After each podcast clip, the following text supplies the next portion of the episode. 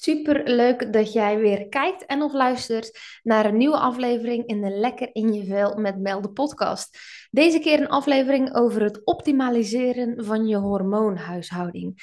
Een vraag die werd gesteld tijdens de Instagram story ronde die ik deed, waarvan ik dacht, hey, dit is ook een hele leuke vraag, interessante vraag of u nu last hebt van daadwerkelijk ja, functionele problematieken zoals PCOS en een onregelmatige cyclus.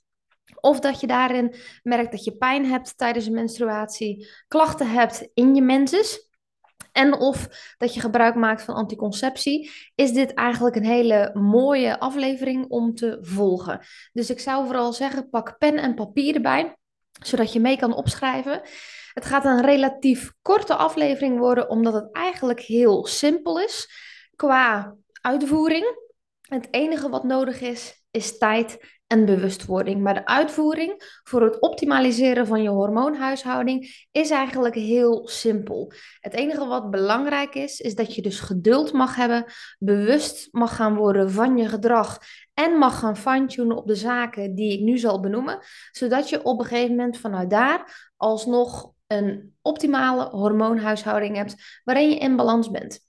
Goed, Laten we starten. Als we het hebben over het optimaliseren van je hormoonhuishouding, dan hebben we het eigenlijk over een paar zaken.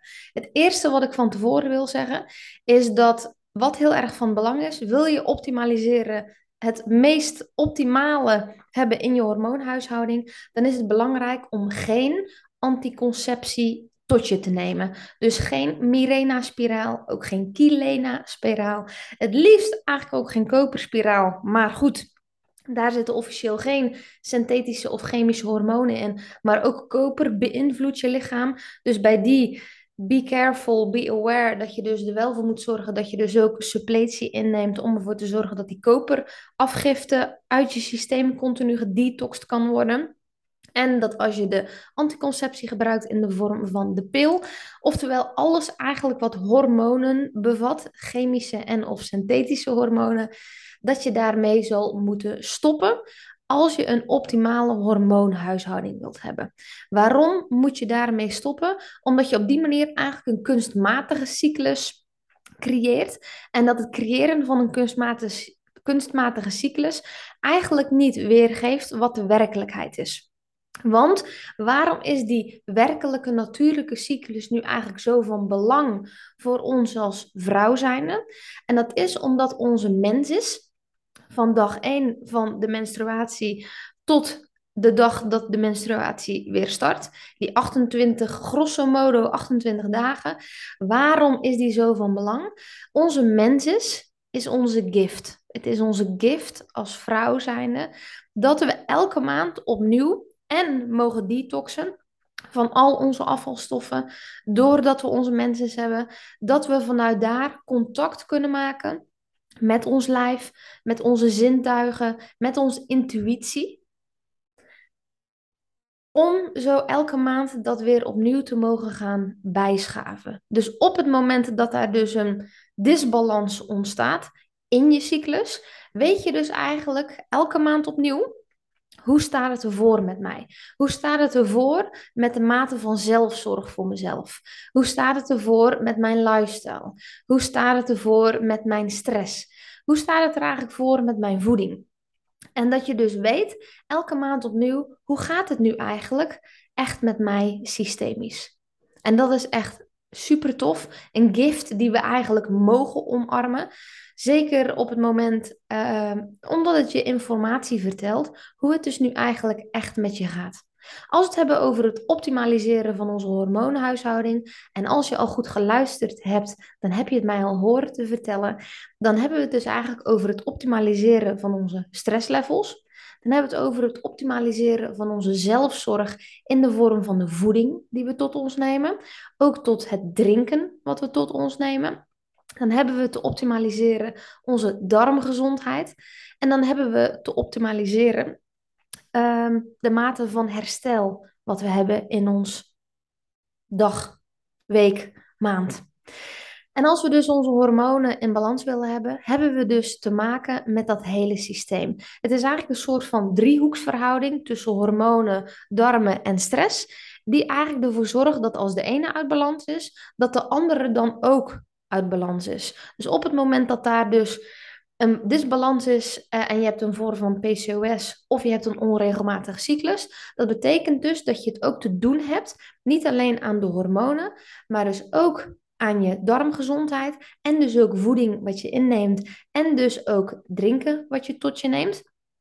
Buiten het feit wat je tot je neemt, dat dus de darmgezondheid, je darmflora het goed kan opnemen, alles kan omzetten in energie, waardoor je systeem daar weer voor kan zorgen dat die energie naar je hormoonhuishouding toe gaat, om ervoor te zorgen dat dus alle voorlopers van onze hormonen, die onze eierstokken aansturen, dat die dus aangemaakt kunnen worden en vanuit daar een balans hebben in onze hormonen.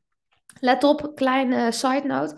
Buiten de hormonen voor onze ovulatie en voor onze mensen in zijn algemeenheid, hebben we natuurlijk veel meer hormonen.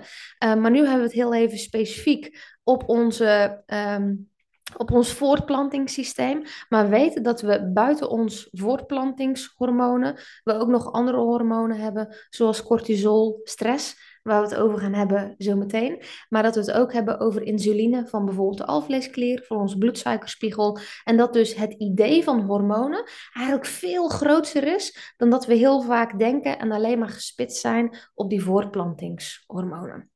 Goed, als we onze driehoek dus af mogen maken van hormonen, van darmgezondheid, met onze lifestyle, voeding, drinken en dus hoe we dat op kunnen nemen, hebben we aan de andere kant dus ook stress in onze driehoek zitten.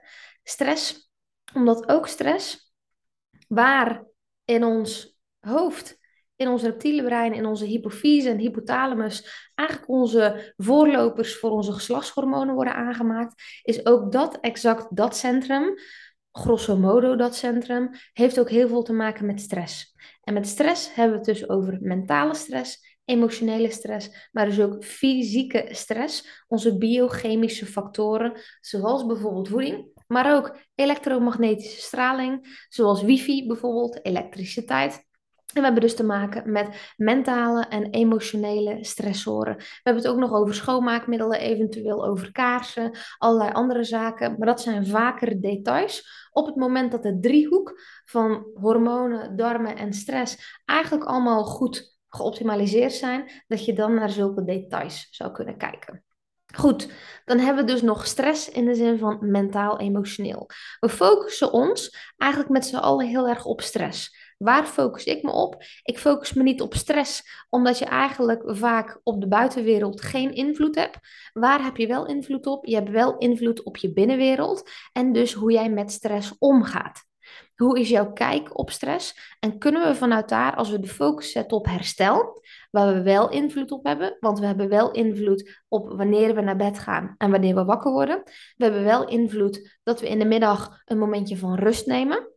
Ten opzichte van de stressoren, de daily life stressoren, die altijd op ons afkomen, maar ook onze levenservarende stressoren, die gewoon in het leven eigenlijk als levenservaring op ons afkomen, waar we dus eigenlijk geen eh, controle op hebben. Dus omdat we geen controle hebben op stress, moeten we ons meer gaan focussen op waar we wel controle op hebben. En dat is dus op ons herstel, herstellend vermogen door te werken aan je lifestyle, zoals voeding, te werken aan je slaap, waardoor je meer herstel hebt. Want 30% van, uh, of eigenlijk 30% hebben we maar nodig om het zelfherstellend vermogen aan te zetten. Dus de ratio stress is 70% op een dag. En we hebben dus maar 30% herstel nodig op een dag om ervoor te zorgen dat we in balans zijn. Het is maar 30%. En die 30% kunnen we dus behalen eigenlijk al simpelweg met onze slaap. Maar dan moet die slaap wel optimaal zijn. In de zin van prikkels, dus in een prikkelarme omgeving slapen. Wellicht met een slaapmasker met oortjes in, zodat we niets horen en dat het donker genoeg is. Dat de optimale temperatuur in de slaapkamer wat lager zit, dus een wat koelere slaapkamer. Het bed een beetje van de rand af om ervoor te zorgen dat we met betrekking tot elektromagnetische straling van alle draden die in de muren zitten, dat we daar geen last van hebben. Dat we ook de wifi uitzetten. Om ervoor te zorgen dat we zo prikkelarm mogelijk onze slaapkamer hebben, maar dat we ook één uur voordat we gaan slapen zo prikkelarm mogelijk doorbrengen. Dus geen telefoon meer, geen tv meer, om je systeem vanuit een prikkelrijke omgeving eigenlijk te brengen naar een prikkelarme omgeving. Om zo de meest diepste slaapkwaliteit te kunnen creëren. Om ervoor te zorgen dat we dus aan die 30% herstel, die we eigenlijk elke dag opnieuw nodig hebben, dat we daar aan kunnen komen. En dat we dus op die manier in de hoek van stress ervoor kunnen zorgen dat ons herstel in ieder geval optimaal is. En dat als we kijken vanuit het mentale, emotionele aspect, dat we dus kunnen gaan kijken naar, hey, wat voor zaken in je leven geven jou stress? En waar heb je wel controle op? Dus je hebt controle op je eigen emoties. Je hebt controle op je eigen mentale staat. Dus focus vooral ook op alles wat met betrekking tot jezelf is, aan de hand is. En niet met betrekking tot de buitenwereld. Want daar heb je simpelweg geen controle op. Dus als we het hebben over onze emoties. Dat we ervoor zorgen dat we bewust worden van onze emoties dat we erachter komen, hey, waar triggeren we nu eigenlijk op, waardoor we emotioneel worden? Ehm, en waar triggeren we mentaal op, waardoor we in onze mentale staat heel veel drukte in ons hoofd krijgen. Dus het vraagt een stukje bewustwording en een stukje overzicht creëren. Om op die manier dus ervoor te zorgen dat we met overzicht de drukte uit ons hoofd weg kunnen halen.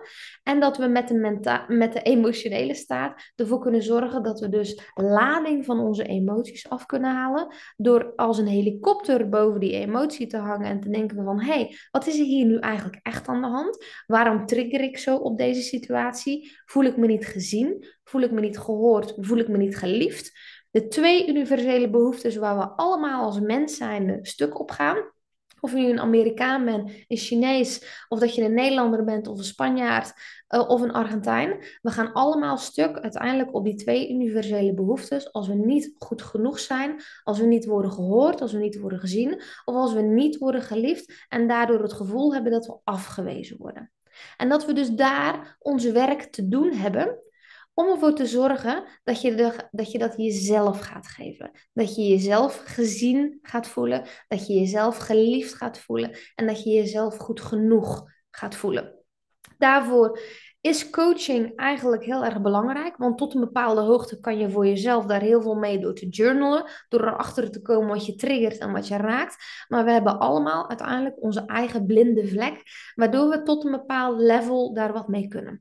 En daar is coaching eigenlijk heel fijn in. Waardoor je weet van hé, hey, dit is mijn eigen plafond. En door coaching dat je weer perspectieven kan creëren in je mentale, emotionele staat. Om te kijken van hé, hey, wat is daar wat gebeurt? Waardoor we dus ook aan die stressorkant meer balans kunnen vinden. En dus die driehoek van stress, hormonen en darmgezondheid met z'n allen als een cirkel of een driehoek weer allemaal beter in balans kunnen komen. Waardoor je op die manier eigenlijk je een optimale hormoonhuishouding kan creëren.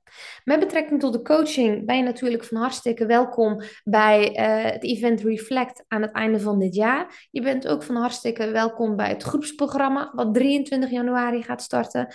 En als je denkt van hé, hey, ik wil eigenlijk niet in een groep, ik wil één op één, weet dat je daarvoor ook welkom bent in het Deep Dive traject. En heb je nou interesse in een van die drie? Stuur mij dan een DM op Instagram of stuur mij een e-mail op welkom@melaniedij.com om te kijken wat dan voor jou geschikt zou zijn zodat jij zou kunnen werken ook aan dat deel met betrekking tot stress, emotioneel, mentaal. Of als je merkt, als je dat, je hormoonhuishouding wilt optimaliseren, dat je dus daar in die driehoek mee aan de slag zou kunnen. Dus eigenlijk ehm, is deze podcast dus relatief kort, omdat je dus het te doen hebt in darmgezondheid, in je hormoonhuishouding en in je mentale emotionele staat aan stress. En aan de andere kant ervoor te zorgen dat je je herstel zo goed mogelijk optimaliseert door aan diepe slaapkwaliteit te werken.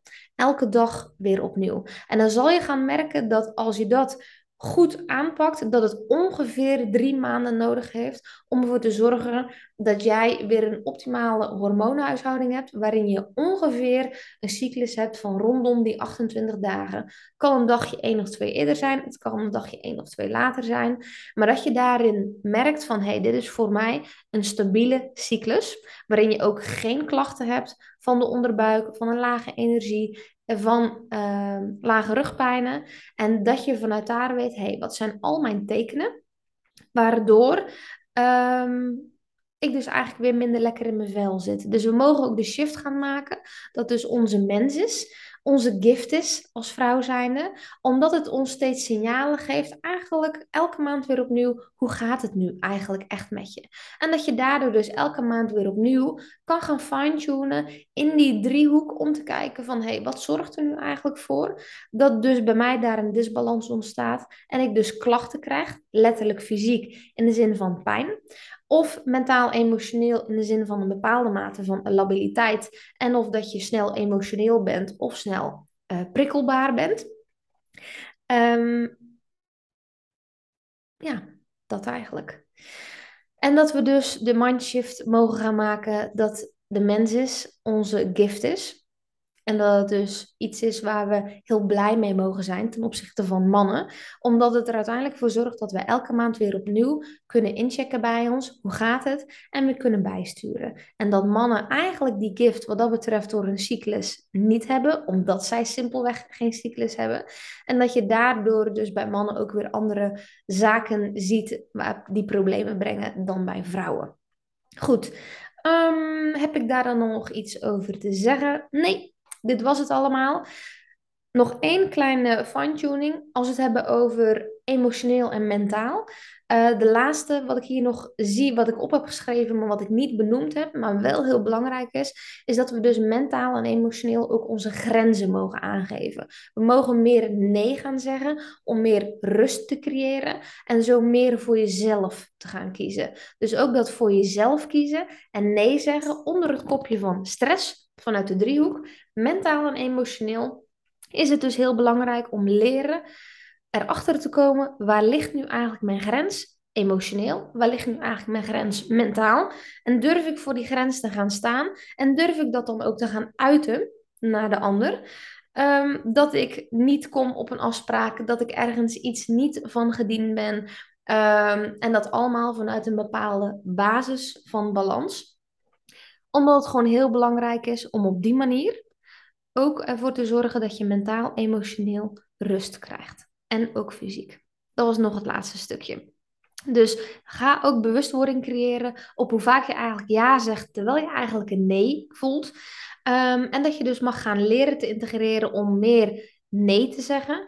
Meer integreren dat je eerst mag inchecken bij jezelf van hey, wil ik dit? Hoe voel ik me hierbij?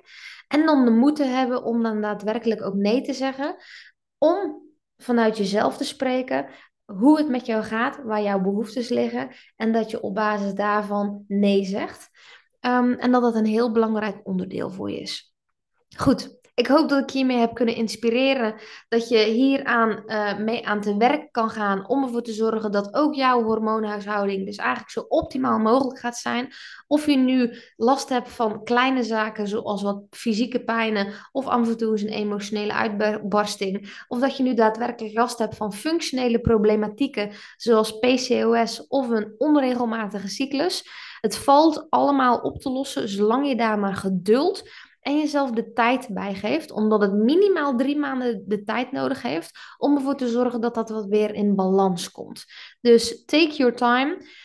Wees bewust van je gedrag. Schrijf erin ook op uh, wat je dan aanpakt en hoe het dan is. Elke maand ook weer opnieuw om te kunnen evalueren en te kunnen fine-tunen, zodat ook jouw hormoonhuishouding zo optimaal mogelijk is. Hartstikke bedankt voor het kijken en luisteren van deze podcast. Als je dit nou een toffe podcast vond en dacht van... hey, wauw, dit moet iemand in mijn omgeving zien... of ik moet deze deze op social media. Ik zou zeggen, sharing is caring. Want samen kunnen we ervoor zorgen dat we het ripple effect creëren... dat iedereen weer terug lekker in zijn vel kan komen te zitten... Ook met betrekking tot hormoonhuishouding. En dat is wat ik jou gun. En dat is ook wat ik anderen gun. En ik hoop jij ook. Dus dank je wel hiervoor. Uh, vergeet mij dan vooral ook niet te taggen. Uh, Melanie laagstreepje D-E-I-J op social media, zodat ik het ook zie. Dat vind ik altijd hartstikke leuk. En um, dan rest mij niets anders meer dan te zeggen hasta luego en tot de volgende aflevering. Hasta luego!